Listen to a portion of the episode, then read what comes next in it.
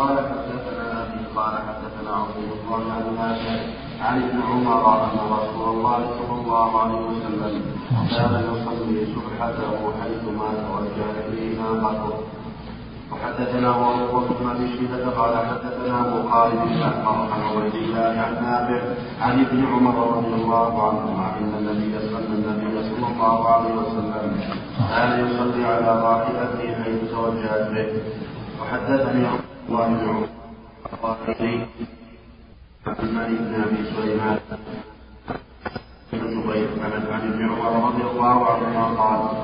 الله رسول الله الله على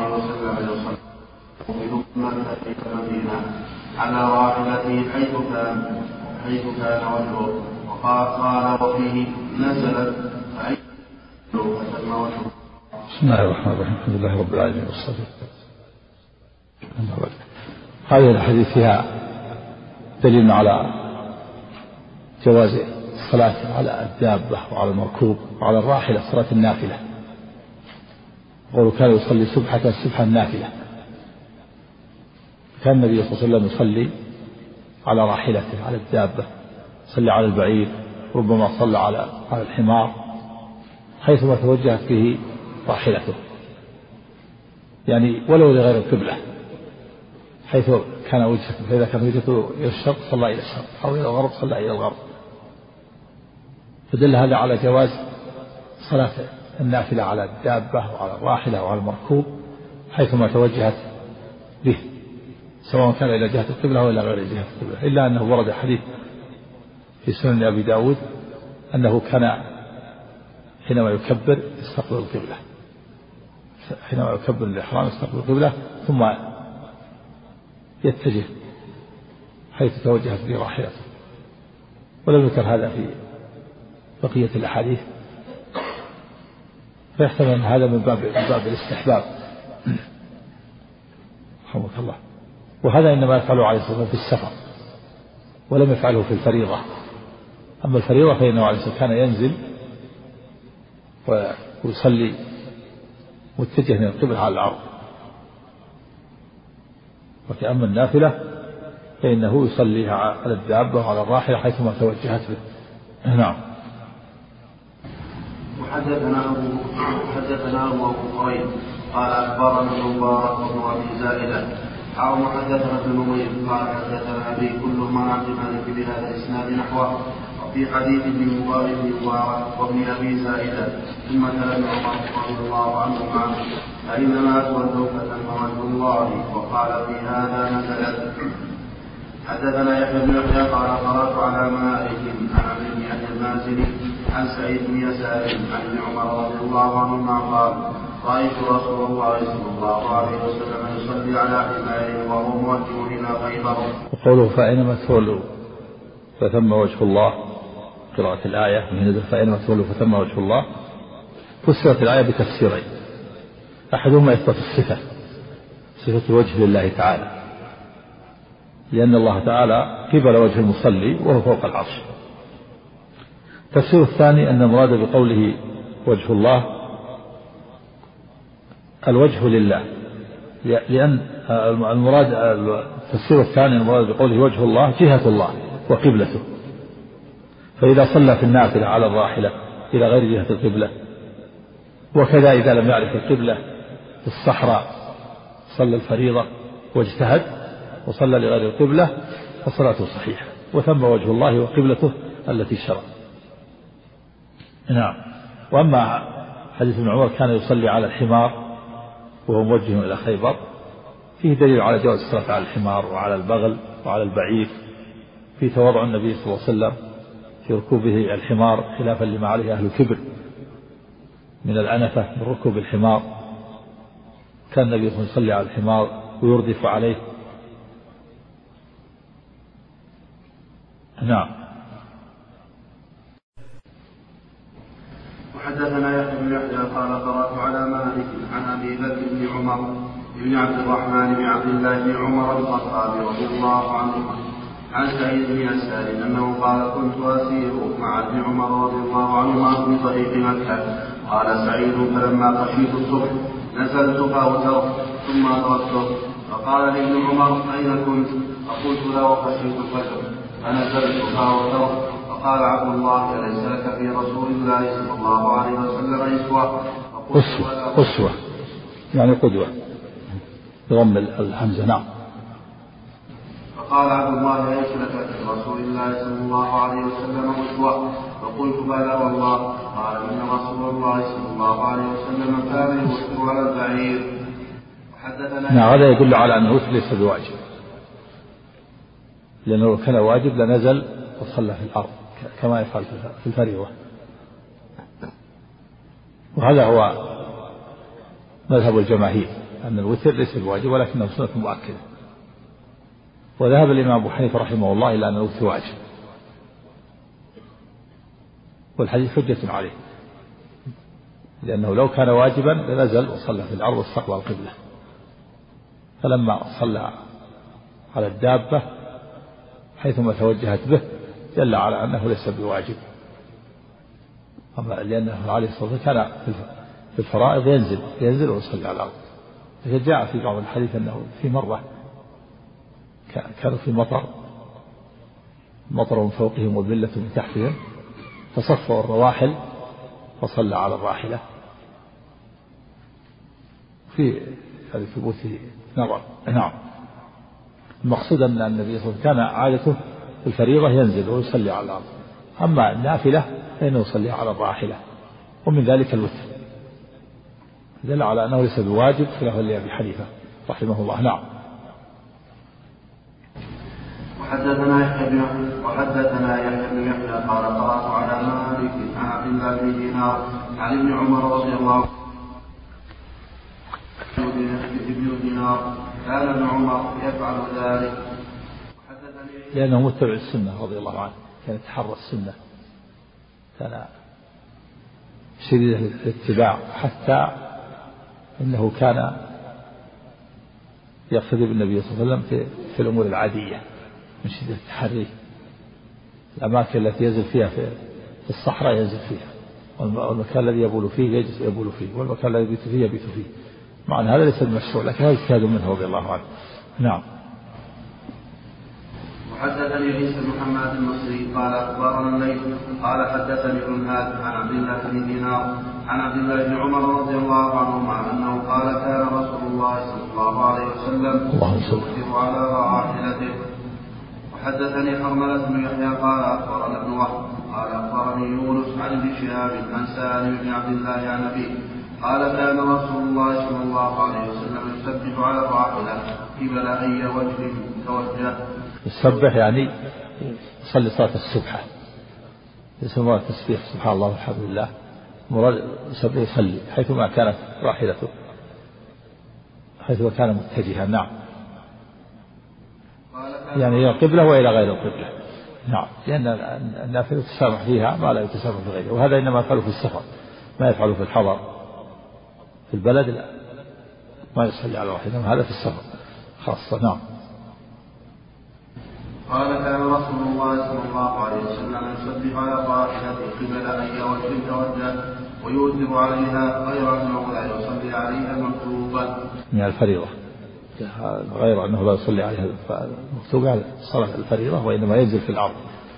نعم لأن الفريضة أهم. و... وآكل هذه إلى عناية نعم. خلاف النافلة فإنه يسامح فيها. فجاء التيسير والتخفيف نعم كذا صلاة في السفينة يصلي النافلة إلى أي جهة قبل لكن الفريضة إذا اضطر إلى الصلاة في السفينة أو في الطائرة فإنه يدور مع القبلة حيث دارت. يصلي ويدور مع القبلة حيث دارت. وإن تيسر له يصلي قبل الركوب وأحسن أو بعد الركوب. نعم. وهذا هو الذي ينبغي. نعم. حدثنا عمرو بن سواد وحرملة قال اخبرنا ابن وهب قال أخبرني يونس عن شهاب عن عبد الله بن عامر بن ربيعة. أخبره أن أباه اخبره انه أنه رأى رسول الله أنه رأى رسول, رسول الله صلى الله عليه وسلم يصلي السبحه بالليل في السفر على ظهر راحلته حيث توجهت وحدثني محمد بن حاتم قال حدثنا عفان بن مسلم قال حدثنا همام قال حدثنا أنس بن سيرين قال تلقينا أنس بن مالك رضي الله عنه. حين قدم الشام فتلقي معه بعين التمر فرأيته يصلي على حمار ووجهه ووجهه ووجهه ذات الجانب وأومن همام عن يسار القبلة فقلت له رأيتك تصلي لغير القبلة؟ قال لولا أني رأيت رسول الله صلى الله عليه وسلم يفعله لم أفعله. حدثنا يحيى بن يحيى قال قرأت على مالك عن نافع عن ابن عمر رضي الله عنهما قال كان رسول الله صلى الله عليه وسلم إذا عجل به السير إذا عجل به السير جمع بين المغرب والعشاء. وحدثنا محمد مثنى قال حدثنا يحيى عن عبيد الله قال أخبرني نافع أن ابن عمر رضي الله عنهما كان كان إذا جد به السير جمع بين المغرب والعشاء بعد أن يغيب الشفق ويقول إن رسول الله صلى الله عليه وسلم كان إذا جد به السير جمع بين المغرب والعشاء. وحدثنا يحيى بن يحيى وقتيبة بن سعيد وأبو بكر بن أبي شيبة وعمر الناقد كلهم عن ابن عيينة قال عمرو حدثنا سفيان عن الزهري عن سالم عن أبيه رضي الله عنه. رأيت رسول الله صلى الله عليه وسلم يجمع بين المغرب والعشاء إذا جد به السير. وحدثني حرملة بن يحيى قال أخبرنا ابن وهب. قال أخبرني يونس عن ابن شهاب. قال أخبرني سالم بن عبد الله أن أباه أن أباه رضي الله عنه قال رأيت رسول الله صلى الله عليه وسلم إذا عجله السير في السفر يؤخر صلاة المغرب حتى يجمع بينها وبين صلاة العشاء. وحدثنا قتيبة بن سعيد قال حدثنا المفضل يعني ابن فضالة عن عقيل عن ابن شهاب عن أنس بن عن أنس بن مالك رضي الله عنه قال كان رسول الله صلى الله عليه وسلم إذا ارتحل قبل أن تزيغ الشمس أخر الظهر إلى وقت العصر. ثم نزل فجمع بينهما فإن زاغت الشمس قبل أن يرتحل صلى الظهر ثم ركب. وحدثني عمرو الناقد قال حدثنا شبابة بن سوار المدايني قال حدثنا ليث بن سعد عن عقيل بن خالد عن الزهري عن أنس رضي الله عنه قال كان النبي صلى الله عليه وسلم إذا أراد أن يجمع بين الصلاتين في السفر أخر الظهر حتى يدخل اول حتى يدخل أول وقت العصر. ثم يجمع بينهما.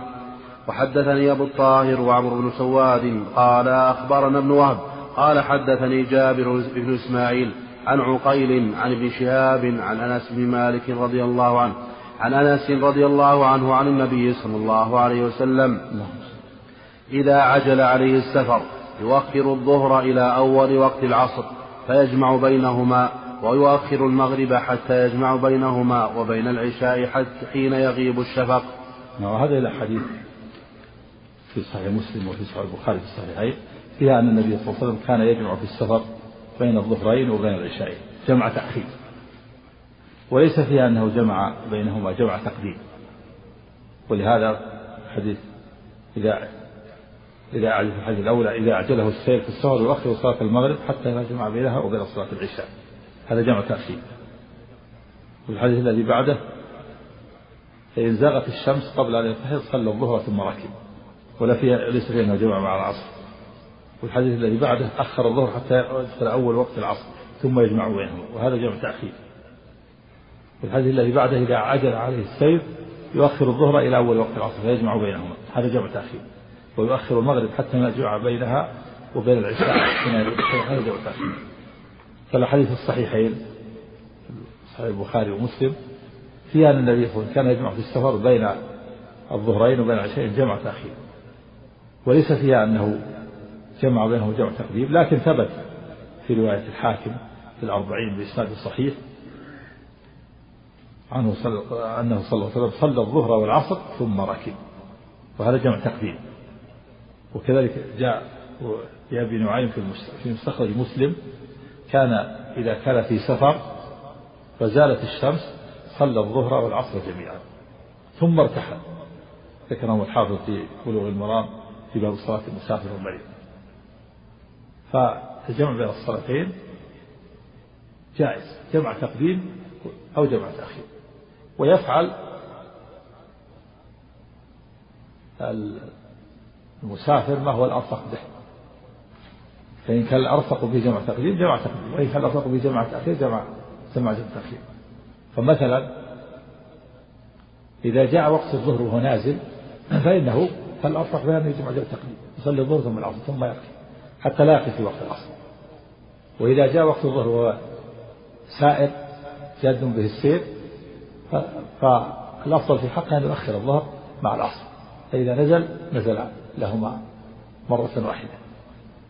وكذلك المغرب. إذا جاء المغرب وهو نازل فالأفضل أن يصلي المغرب ويقدم العشاء. وإذا جاء المغرب وهو جاد به السير فالأفضل أن يؤخر المغرب حتى يصليها مع العشاء. هذا هو الأفضل. وفي هذه الحديث يدل على أن النبي صلى الله عليه وسلم كان يجمع في أسفاره وهذا هو مذهب الجماهير. وذهب الإمام أبو حنيفة رحمه الله إلى أنه ليس هناك جمع إلا في في الحج في عرفة ومزدلفة. يجمع الظهر والعصر في عرفة ويجمع أيضا المغرب والعشاء في مزدلفة فقط. وقال إنه نسك إن هذا نسك. هذه الحديث حجة عليه. يعني النبي صلى الله عليه وسلم في أسفاره يجمع في غير الحج. أبو حنيفة رحمه الله ما يرى الجمع إلا في الحج خاصة وقال إنه نسك من مناسك الحج. في عرفة وفي مزدلفة. في عرفة جمع تقديم الظهر مع العصر وفي مزدلفة جمع تأخير. يجمع المغرب مع العشاء. نعم. نازل في المدينة. أي مدينة؟ وهو في السفر يعني. يأتي الكلام عليه إن شاء الله. نعم.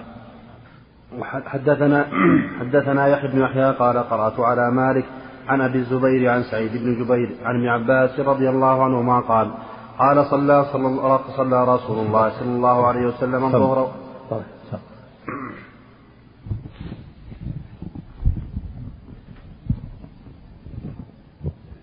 حدثنا يحيى بن يحيى قال قرأت على مالك عن أبي الزبير عن سعيد بن جبير عن ابن عباس رضي الله عنهما قال صلى رسول الله صلى الله عليه وسلم الظهر والعصر جميعا والمغرب والعشاء جميعا في غير خوف ولا سفر. وحدثنا أحمد بن يونس وعون بن سلام جميعا عن زهير. قال ابن يونس حدثنا زهير قال حدثنا أبو الزبير عن سعيد بن جبير.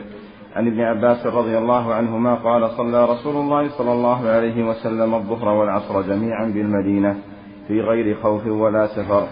قال أبو الزبير فسألت سعيدا لم فعل ذلك فقال سألت ابن عباس رضي الله عنهما كما سألتني فقال أراد أن لا يحرج أحدا من أمته. وحدثنا يحيى بن حبيب الحارثي قال حدثنا خالد يعني ابن الحارث قال حدثنا قرة قال حدثنا أبو الزبير قال حدثنا سعيد بن جبير قال حدثنا ابن عباس رضي الله عنهما أن رسول الله صلى الله عليه وسلم جمع بين الصلاة في سفرة سافرها في غزوة تبوك فجمع بين الظهر والعصر والمغرب والعشاء. قال سعيد فقلت لابن عباس رضي الله عنهما ما حمله على ذلك؟ قال أراد أن لا يحرج أمته. حدثنا أحمد بن عبد الله بن يونس قال حدثنا زهير قال حدثنا أبو الزبير عن أبي الطفيل عن أبي الطفيل عامر عن, عن أبي الطفيل عامر عن معاذ رضي الله عنه قال خرجنا مع رسول الله صلى الله عليه وسلم في غزوة تبوك وكان يصلي الظهر والعصر جميعا والمغرب والعشاء جميعا. حدثنا يحيى بن حبيب قال حدثنا خالد يعني ابن الحارث قال حدثنا قرة بن خالد قال حدثنا أبو الزبير قال حدثنا عامرة بن واثرة أبو الطفيل. عامر؟ قال حدثنا عامر نعم. قال حد الله قال حدثنا عامر بن واثرة أبو الطفيل. قال حدثنا معاذ بن جبل رضي الله عنه قال جمع رسول الله صلى الله عليه وسلم في غزوة تبوك بين الظهر والعصر وبين المغرب والعشاء. قال فقلت ما حمله على ذلك؟ قال فقال أراد أن لا يحرج أمته. وهذا الحديث فيه أن النبي جمع في غزوة تبوك وهو نازل بين الظهر والعصر والمغرب والعشاء. وهو نازل وهو مسافر. معلوم أنه ذهب إلى غزوة تبوك ونازل وهو نازل في تبوك. جمع بين الظهر والعصر وجمع بين المغرب والعشاء. ففيه دليل على جواز جمع المسافر بين الظهرين وبين العشاءين وهو نازل غير جاد به السير كما فعل النبي صلى الله عليه وسلم في تبوك. لكن كونه يصلي الصلاة في هذه الحالة قصرا بدون جمع هو الأفضل إذا كان نازل. لأنه الغالب من فعله صلى الله عليه وسلم كما فعل النبي صلى الله عليه وسلم في منى وهو نازل يصلي كل صلاة في وقتها قصرا بلا جمع. هذا هو الأفضل إذا كان مسافر سافر ثم نزل في بلد أو في مكان يريد أن يجلس يوم يومين أو ثلاث أو يريد أن يجلس من الظهر إلى العصر أو من المغرب إلى العشاء فالأفضل في هذه الحالة أن يصلي كل صلاة في وقتها قصرا بلا جمع كما فعل النبي صلى الله عليه وسلم في منى في اليوم الثامن من الحجة يصلي الصلاة قصرا بدون جمع وفي كذا وكذلك في في أيام منى يقصر ولا يجمع وفي هذا الحديث أنه عليه الصلاة والسلام جمع وهو نازل. جمع بين الظهر والعصر وبين المغرب والعشاء وهو نازل. فدل هذا على جواز الجمع للمسافر ولو كان نازلا إلا أن هذا قليل من فعل عليه الصلاة الأكثر أنه إذا كان نازل ما يجمع يقصر ولا يجمع ولكن لا بأس بجواز الجمع. وفي هذا رد على الشيخ الإسلام ابن تيمية رحمه الله القائل مع جلالة قدره وإمامته بأن المسافر لا يجمع إلا إذا جد به السير. ولعله رحمه الله نسي هذا الحديث مع حفظه العظيم أو تأوله أو لم يبلغه. لكن هذا بعيد الأقرب أنه نسي لأنه رحمه الله استظهر الكتب الستة فلعله إما إما نسيها وتأوله رحمه الله. كان يفتي رحمه الله بأن المسافر إذا كان نازلا لا يجمع وإنما يجمع إذا جد به السير وهذا الحديث في غزوة تبوك فيه أنه جمع وهو نازل لم يجد به السير فدل على الجواز. قد يكون المسافر نازل ولكن يكون أرفق به الجمع يريد أن يستريح ينام أو يكون الماء قليل فيريد أن يتوضأوا وضوءا واحدا يصلون به الظهر والعصر جمعا أو المغرب والعشاء. قد تدعو الحاجة إلى هذا. لكن الأفضل المسافر إذا كان نازل أن لا يجمع وإنما يقصد بلا جمع كما يفعل الحجاج من ولكن إذا جمع فلا بأس كما كما فعل النبي صلى الله عليه وسلم. نعم. وحدثنا أبو, أبو بكر بن أبي شيبة وأبو كريب قال حدثنا أبو معاوية. حاء وحدثنا أبو كريب وأبو سعيد الأشج واللفظ لأبي كريب. قال حدثنا وكيع كلاهما عن الأعمش. عن حبيب بن أبي ثابت عن سعيد بن جبير عن ابن عباس رضي الله عنهما. قال جمع رسول الله صلى الله عليه وسلم بين الظهر والعصر والمغرب والعشاء بالمدينة في غير خوف ولا مطر. وفي حديث وكيع قال قلت لابن عباس رضي الله عنهما لم فعل ذلك؟ قال كي لا يحرج أمته. رحمك الله. وفي حديث أبي معاوية قيل لابن عباس رضي الله عنهما ما أراد إلى ذلك؟ قال أراد أن لا يحرج أمته. وحدثنا أبو بكر. وهذا الجمع الذي صدر من النبي صلى الله عليه وسلم في المدينة من غير خوف ولا ولا سفر ولا مرض. جمع بين الظهر والعصر. وبين المغرب والعشاء. قال العلماء إن هذا الجمع سببه إما إما دحر وإما مرض عام وإما أنه جمع بينهما جمعا صوريا وجمع الجمع الصوري هو أن يؤخر الأولى في آخر وقتها ويعجل الثانية في أول وقتها. وهذا هو الأقرب أنه جمع جمعا صوريا قد هذا صريحا في حديث النسائي الذي رواه في سننه أن النبي صلى الله عليه وسلم أخر الأولى وعجل الثانية. وسنده صحيح سند حديث النسائي صحيح. فقد يقال يتعين المصير إليه. وعليه فلا إشكال بينه وبين أحاديث توقيت الصلوات. رواية النسائي تزيل الإشكال. هو جمع بين الظهر والعصر. وجمع بين المغرب والعشاء من غير خوف ولا مطر من غير خوف ولا سفر. يكون جمع جمعا صوريا. أخر الظهر حتى لا نلقى من وقتها إلا مقدار أربع ركعات فصلاه فلما انتهى من الصلاة خرج وقت الظهر ودخل وقت العصر فصلى وقت فصلى العصر أربع ركعات. فكانت الظهر وقعت في وقتها في آخر وقتها والعصر في أول وقتها. وكذلك المغرب. أخر المغرب إلى قرب مغيب الشفق حتى لا يبقى من مقدار الوقت إلا مقدار ثلاث ركعات. فصلى المغرب. فلما صلى المغرب خرج وقت المغرب ودخل وقت العشاء فصلى العشاء أربع ركعات. فتكون كل صلاة صلاها في وقتها. الأولى في آخر وقتها والثانية في أول وقتها. وعلى هذا فلا فيزول الإشكال. ولا يكون هناك إشكال بين هذا الحديث وبين حديث توقيت الصلوات. وبكل حال فأحاديث توقيت توقيت الصلوات هي الأصل وهي محكمة. والقاعدة الشرعية أن المتشابه يرد إلى المحكم ويفسر بما يوافق المحكم ولا يجوز التعلق بالمتشابه وترك المحكم فإن هذه طريقة أهل الزيغ قال الله تعالى فأما الذين في قلوبهم زيغ فيتبعون ما تشابه منه. أما العلماء الراسخون فيؤمنون بالجميع ويعملون بالجميع كما قال الله تعالى والراسخون في علمه يقولون آمنا به كل من عند ربنا وما يذكر إلا أولو الألباب والنبي صلى الله عليه وسلم إنما فعل هذا مرة واحدة في المدينة. وأحاديث توقيت الصلاة محكمة وهذه المرة التي فعلها لها أسباب. ويحتمل أن أن هذا الجمع كان مرة واحدة ثم نسخ. لكن الأقرب في الجمع بينها أن يقال إنه جمع جمعا صوريا لأنه جاء هذا في حديث النسائي. نعم. وأما في قول قيل ابن عباس ما أرد بذلك لما في حديث ابن عباس أنه صلى ثمانيا مع النبي ثمانيا جمعا وسبعا جمعا. قلت يا أبا العباس يا أبا الشعثاء. القائل عمرو عمرو بن دينار يقول جابر بن زيد كنية أبا الشعثاء. أظنه أخر الظهر وعجل العصر وأخر المغرب وعجل العشاء. يعني وهذا هو جمع الصوري قال وأنا أظن ذلك. هذا الظن الذي ظنه أبو الشعثاء جابر بن زيد جاء صريحا في سنن النسائي. بإسناد صحيح أن النبي صلى الله عليه وسلم أخر الظهر في آخر وقتها وعجل العصر في أول وقتها وأخر المغرب في آخر وقتها وعجل العشاء في أول وقتها.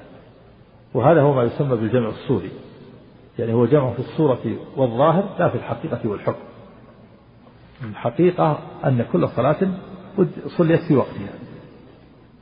ف فهذا الظن الذي ظنه عمرو وظنه جابر بن زيد الشعثاء هذا الظن جاء صريحا في سنن النسائي وعلى هذا يزول الإشكال. ومرنا هذا في صحيح البخاري رحمه الله وفي تعليق على سماحة الشيخ الشيخ عبد العزيز بن رحمة الله عليه. وذكر أن أن سبب الجمع إما مرض عام وجحظ عام. ثم قرأنا سنن النسائي ومرنا الحديث فبحثت مع مع شيخنا رحمة الله عليه. وقلت له ألا يجمع بينهما بأن بما دل عليه النسائي؟ فقال بلى. فقيل له إنك علقت سابقا على صحيح البخاري. فقال تعليق قبل أن يبلغني حديث النسائي. فلما بلغني حديث النسائي ف... فإني أقول به. يعني يكون الجمع بينهما أن يقال إن حديث النسائي جاء بأنه جمع صوري وعلى هذا تجتمع الأحاديث ولا تختلف نعم يقول أن الجمع السوري لا يثبته إلا الخاصة من أهل العلم فكيف بالعامة؟ من اللي يقول هذا؟ بعض أهل العلم ها؟ من اللي قال ما سمعنا هذا؟ من اللي قال هذا من أهل العلم؟ لا معروف معروف علامات الوقت الله تعالى جعلها علامات قال إن أمة أمية. لا نكتب ولا نحسب. الشهر هكذا وهكذا. العلامات الصلوات وعلامات دخول رمضان يعلمها الذكي والغبي كل أحد. العلامات موجودة الآن. وقت الظهر إذا زالت الشمس وقت العصر إذا صار ظل كل شيء مثله. والمغرب بغروب الشمس والعشاء بمغرب الشفق والفجر بطلوع الشمس بطلوع الفجر. ورمضان برؤية الهلال أو اكبر الشهر سبع ثلاثين يوما الحمد لله ما في ما في تعقيد ولا من يقول ما يعرف هذا؟ كل واحد كل واحد يرفع راسه ويشوف. إذا صار ظل الشيء مثله دخل وقت العصر إذا غاب الشفق دخل وقت العشاء من يقول ما يعرف إلا الخاص؟ يعرف الخاص والعام والذكي والبليد. يقول الحرج في هذا. لا لا بس بس بصحيح. نعم. نعم. نعم. الجمع كما سمعت شيخ الإسلام رحمه الله يرى أنه ما يجمع إلا إذا جد به السيف. لكن عندك الآن كما ترى حديث في غزوة تبوك الذي جمع وهو نازل. دل على جواز الجمع وهو نازل ولو ولو لم يكن هناك حاجة. لكن الأفضل إذا كان نازل أن لا يجمع. يقصر ولا يجمع. وإن جمع فلا حاجة. نعم. وحدثنا أبو بكر بن أبي شيبة. نعم نعم. لحاجة قد يكون هناك حاجة. لابد هناك حاجة دعت إلى هذا. الله أعلم. ما. نعم. محتمل ما في ما يقول ليس هناك دليل يبين لنا السبب. لكن هناك سبب لا لابد أن يكون هناك سبب. ويحتمل أن يكون هناك يجمع بين الأمر وأنه هناك دحر أو مرض عام وجمع جمع صوري. نعم. نعم. وبعض العلماء يرى كما حديث ابن عباس أنه أنه لا بأس للجمع بعض للحاجة إذا احتاج ما لم يكن ما لم يكن هذا عادة مستمرة كما كما رأى ابن عباس كما إلى ابن عباس يأتي لا, لا. نعم. حدثنا أبو بكر بن أبي شيبة قال حدثنا سفيان بن عيينة عن عمرو عن جابر بن زيد عن ابن عباس رضي الله عنهما قال صليت مع النبي صلى الله عليه وسلم ثمانيا جميعا وسبعا جميعا. قال قلت يا أبا الشعثاء أظنه أخر الظهر وعجل العصر وأخر المغرب وعجل العشاء. قال وأنا أظن ذلك. نعم. وهذا الظن جاء في في سنن النسائي. نعم. وحدثنا أبو الربيع الزهراني قال حدثنا حماد بن زيد عن عمرو بن دينار عن جابر بن زيد عن ابن عباس رضي الله عنهما. أن رسول الله صلى الله عليه وسلم صلى بالمدينة سبعا وثمانيا الظهر والعصر والمغرب والعشاء. وحدثني أبو الربيع الزهراني قال حدثنا حماد عن الزبير بن الخريف عن عبد الله بن شقيق قال خطبنا ابن عباس رضي الله عنهما يوما بعد العصر حتى غربت الشمس وبدت النجوم وجعل الناس يقولون الصلاة الصلاة. قال فجاءه رجل من بني تميم لا يفتر ولا ينثني. الصلاة الصلاة فقال ابن عباس أتعلمني بالسنة لا أم لك. ثم قال رأيت رسول الله صلى الله عليه وسلم جمع بين الظهر والعصر والمغرب والعشاء. قال عبد الله بن شقيق فحاك في صدري من ذلك شيء. فأتيت أبا هريرة رضي الله عنه فسألته فصدق مقالته. يعني ظاهر هذا ظاهر الحديث أن ابن عباس ترى الجمع بين الصلاتين في الحضر للحاجة. وأنه جمع لأجل الخطبة التي استمرت من المغرب والعشاء. وصدقها أبو هريرة في مقالته. والصواب أن هذا من اجتهاد ابن عباس الذي أخطأ فيه وأن الجمع بين الصلاتين من غير عذر من كبائر الذنوب. هذا هو الصواب. لا يجوز الجمع بين الصلاتين إلا من عذر كالخوف أو المرض أو السفر. وهذا الجمع الصوري الذي فعله النبي صلى الله عليه وسلم فعله للحاجة لحاجة دعت إلى ذلك. أما الجمع بين الصلاتين من غير عذر فهو من كبائر الذنوب وعليه الوعيد الشديد من غير عذر. نعم. وأما هذا فله اجتهاد رضي الله عنه. نعم. وحدثنا ابن أبي عمر. نعم. بعض الدول الآن الليل عندهم ساعة أو ساعتين في بعض أوقات السنة هل ينطبق عليهم الحديث كما الرسول صلى الله عليه وسلم عليه بين المغرب والعشاء؟ لا هذا له فتوى عن أقول له فتوى عن هذا كبار العلماء كيف يفعلون. نعم.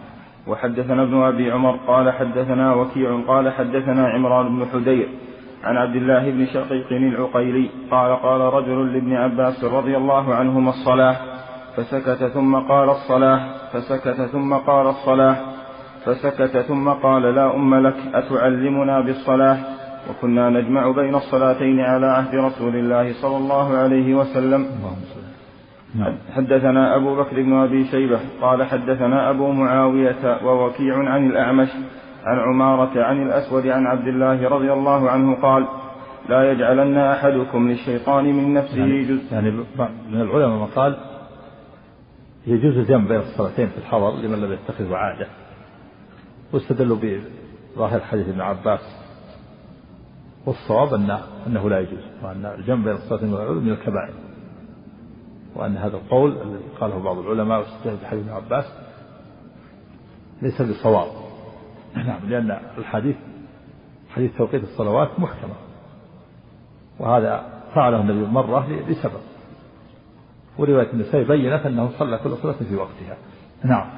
إلا أنه جمع جمع سوريا نعم. لا. لا ليس هذا لا تجمع إلا إذا كانت مريضة كالمستحاضة مريض لا بأس. من غير الأدخال الإدخال ما له نهاية. إذا الخباز الذي يخبز 24 ساعة يقول أنه عنده عمل تصلاه النار يصعب عليه من ترك خبزه يفسد ويخرب يريد أن يجمع بين الظهر والعصر. والعامل الذي يعمل في المزرعة كذلك. وفي هذا الزمان كثرة الأعمال. وانصرف الناس إلى الدنيا اللي في المصانع والمتاجر والبقالات كلهم قالوا الأعمال زبائن كثيرون الليل والنهار مستمرون. طوابير. إذا يجوز لنا أن نجمع بين الظهر والعصر والمغرب والعشاء. هذا فتح الباب إذا فتح لا لا يسد فلا يجوز. يجب عليهم أن يقفوا ويقفوا الأعمال ويصلوا كل صلاة في وقتها نعم. ولا يجوز جمع الصلاتين. جمع الصلاتين من غير عذر من كبائر الذنوب. نعم.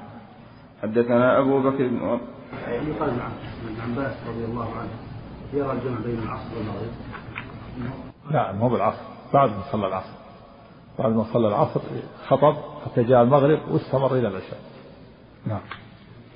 نعم. جمع صوري محتمل لكن ليس بظاهر. نعم. وحدثنا أبو بكر بن أبي شيبة قال حدثنا أبو معاوية ووكيع عن الأعمش عن عمارة عن الأسود عن عبد الله رضي الله عنه قال لا يجعلن أحدكم للشيطان من نفسه جزءا لا يرى إلا أن حقا عليه ألا ينصرف إلا عن يمينه. أكثر ما رأيت رسول الله صلى الله عليه وسلم ينصرف عن شماله. حدثنا إسحاق بن إبراهيم قال أخبرنا جرير وعيسى بن يونس. حاء وحدثناه علي بن خشرم قال أخبرنا عيسى جميعا عن الأعمش بهذا الإسناد مثله. وحدثنا قتيبة بن سعيد قال حدثنا أبو عوانة عن السدي قال سألت أنس رضي الله عنه كيف أنصرف إذا صليت؟ عن يميني أو عن يساري؟ قال أما أنا فأكثر ما رأيت رسول الله صلى الله عليه وسلم ينصرف عن يمينه. وهذا في دليل على أن الإمام ينصرف عن يمينه وعن شماله ولا يتحرى أي الجانبين في حديث مسعود أنه قال أن الرسول رأى رآه أكثر ما ينصرف عن يساره. وأنس قال رآه أكثر ما ينصرف عن يمينه. والجمع بينهما أن كل واحد أخبر بما رآه يعني ابن مسعود رأى أخبر بأنه رآه ينصرف عن يساره فقال إنها ظن أن هذا هو الأكثر. وأنس رآه ينصرف عن يمينه فظن أن هذا هو الأكثر. والأمر في هذا واسع. الإمام ينصرف عن اليمين عن شماله. ولا يتحرى. لا هذا ولا هذا. نعم. حدثنا أبو بكر بن أبي شيبة وزهير بن حرب قال حدثنا وكيع عن سفيان عن السدي عن أنس رضي الله عنه أن النبي صلى الله عليه وسلم كان ينصرف عن يمينه. وحدثنا أبو كريب قال أخبرنا ابن أبي زائدة عن مسعر عن ثابت بن عبيد عن ابن البراء عن البراء رضي الله عنه قال كنا إذا صلينا خلف رسول الله صلى الله عليه وسلم أحببنا أن نكون عن يمينه يقبل علينا بوجهه قال فسمعته يقول رب قني عذابك يوم تبعث أو يوم تجمع عبادك. نعم وهذا الدعاء مشروع بعد الصلاة بعد في بعد الصلاة. اللهم قني عذابك يوم تبعث عبادك. ومشروع أيضا عند النوم. اللهم قني عذابك يوم تبعث عبادك. كان النبي صلى يضع خده الأيمن يده تحت خده الأيمن ويقول اللهم قني عذابك وتبعث بعد ثلاث مرات. وكذلك في دبر الصلوات. نعم. وحدثناه أبو كريب وزهير بن حرب قال حدثنا وكيع عن مسعر بهذا الإسناد ولم يذكر يقبل علينا بوجهه. وحدثني أحمد بن حنبل قال حدثنا محمد بن جعفر قال حدث قال حدثنا شعبة عن ورقاء عن عمرو بن دينار. فهذا قلنا أحمد بن حنبل رواه مسلم عن الإمام أحمد فهو من شيوخه. هنا الإمام أحمد من شيوخ الإمام مسلم ولهذا روى عن هذا الحديث. حدثني أحمد بن حنبل. نعم. بخلاف البخاري البخاري لم يروي عن الإمام أحمد إلا حديثين وفي المذاكرة أيضا ليس صريحا. والسبب أنه شارك في شيوخه. البخاري شارك الإمام أحمد في شيوخه فلهذا ما روى عنه إلا في موضعين. قال وقال لنا أحمد بن حنبل أما مسلم فإنه يروي عنه كثيرا كذلك الترمذي. الترمذي يكثر يعني يقول وسألت محمدا وسألت محمدا عن كذا عن كذا. كما مرنا في درس الخبيث في سنة الترمذي كثيرا ما يسأل البخاري عن بعض الأحاديث ويجيب عنها هو من من شيوخه وكذلك الإمام مسلم. هنا قال حدثني أحمد بن حنبل صراحة. نعم. وحدثني أحمد بن حنبل قال حدثنا محمد بن جعفر قال حدثنا شعبة عن ورقاء عن عمرو بن دينار عن عطاء بن يسار عن أبي هريرة رضي الله عنه عن النبي صلى الله عليه وسلم قال إذا أقيمت الصلاة فلا صلاة إلا المكتوبة. وحدثنيه محمد بن حاتم وابن رافع قال حدثنا شبابة. قال حدثني ورقاء بهذا الإسناد. وحدثني يحيى بن حبيب الحارثي قال حد قال حدثنا روح. قال حدثنا زكريا بن إسحاق. قال حدثنا عمرو بن دينار قال سمعت عطاء بن يسار يقول يقول عن أبي هريرة رضي الله عنه عن النبي صلى الله عليه وسلم أنه قال إذا أقيمت الصلاة فلا صلاة إلا المكتوبة. وحدثناه عبد بن حميد قال أخبرنا عبد الرزاق قال أخبرنا زكريا بن إسحاق بهذا الإسناد مثله. وحدثنا حسن حسن الحلواني قال حدثنا يزيد بن هارون قال أخبرنا حماد بن زيد عن أيوب عن عمرو بن دينار عن عطاء بن يسار عن أبي هريرة رضي الله عنه عن النبي صلى الله عليه وسلم بمثله قال حماد ثم لقيت عمرا فحدثني به ولم يرفعه. قولوا فلا صلاة إلا مكتوبة فلا صلاة أي لا ابتداء ولا استمرار. لا ابتداء الصلاة ولا استمرار. لا يبتدئ الصلاة إذا أقيمت الصلاة ولا يستمر فيها بل يقطعها إذا أقيمت الصلاة ويشتغل بالفريضة. لأن الفريضة أهم. ولا صلاة نفي للصلاة يعني لا تجد الصلاة. تكون الصلاة باطلة. إذا ابتدأها بعد الإقامة وكذلك إذا كان فيها. في فبمجرد ما يقيم الإمام تنفى الصلاة لا صلاة. لا صلاة. إلا إذا ركع الركوع الثاني. فإنه يتمها لأنه بقي عليه أقل من ركعة. وأقل الصلاة ركعة واحدة وهي وتر. أقل الصلاة ركعة. فإذا ركع الركوع الثاني ما بقي الصلاة انتهت الصلاة يتمها. أما إذا كان في الركعة الأولى وفي الركعة الثانية فإنه يقطعها هذا هو الصواب. وذهب كثير من الفقهاء إلى أنه يتمها خفيفة. قالوا يتمها خفيفة ما لم يخشى فوات الركعة الأولى. وقال آخرون ما لم يخشى فوات الركعة الثانية وهو الأحناف. وهذا باطل. الأحناف يرون بعضهم يرى أنه إذا لم يصلي السنة الراتبة في الفجر فإنه يصليها ولو بعد الإقامة ثم يلحق الإمام. قال بعضهم يصليها في غير المسجد ولو بعد الإقامة. هذا باطل.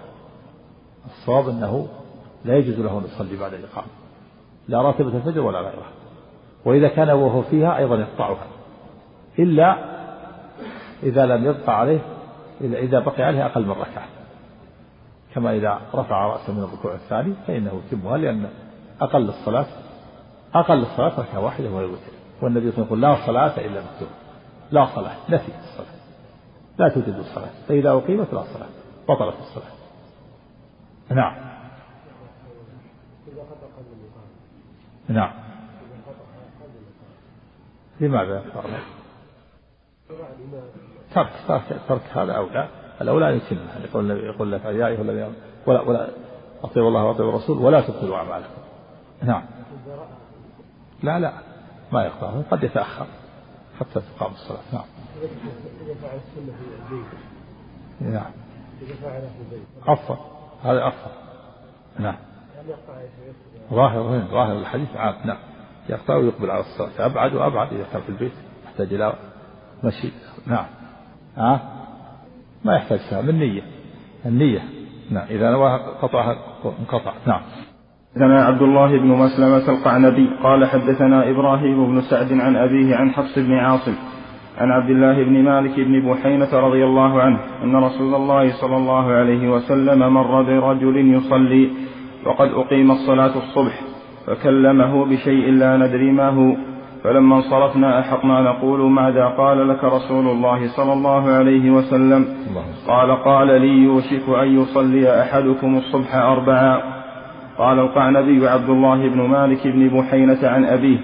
قال أبو الحسين مسلم وقوله عن أبيه في هذا الحديث خطأ. حدثنا قتيبة بن سعيد قال حدثنا أبو عوانة عن سعد بن إبراهيم. عن حفص بن عاصم عن ابن بحينة رضي الله عنه قال أقيم الصلاة الصبح. فرأى رسول الله صلى الله عليه وسلم رجلا يصلي والمؤذن يقيم فقال أتصلي الصبح أربعا؟ حدثنا أبو كامل الجحدري قال حدثنا حماد يعني ابن زيد. حاء وحدثني حامد بن عمر البكراوي قال حدثنا عبد الواحد يعني ابن زياد. حاء وحدثنا ابن نمير قال حدثنا أبو معاوية كلهم عن عاصم. حاء وحدثني زهير بن حرب واللفظ له قال حدثنا مروان بن معاوية الفزاري عن عاصم الأحول عن عبد الله بن سرجس عن عبد الله بن سرجس رضي الله عنه قال دخل رجل المسجد ورسول الله صلى الله عليه وسلم في صلاة الغداة فصلى ركعتين في جانب المسجد ثم دخل مع رسول الله صلى الله عليه وسلم فلما سلم رسول الله صلى الله عليه وسلم قال يا فلان بأي الصلاتين اعتدت أبصلاتك وحدك أم بصلاتك معنا؟ وهذا إنكار إنكار منه عليه الصلاة والسلام. إنكار منه على من كان يصلي. قال أي أي الصلاتين تعتد هل صلت كل صلاة وحدك أو صلت معنا؟ يعني أنه صلى ركعتين وصلى ركعتين. وصلاة الفريضة واحد ركعتان. فأيهما جعلتها فريضة لك؟ الأولى والثانية في اللفظ الأول آه الصبح أربعا يعني جعلت الصبح أربعة أنكر عليه. نعم. حدثنا يحيى بن يحيى قال أخبر بارك الله صل. عليك لو كان يقلب على ظنه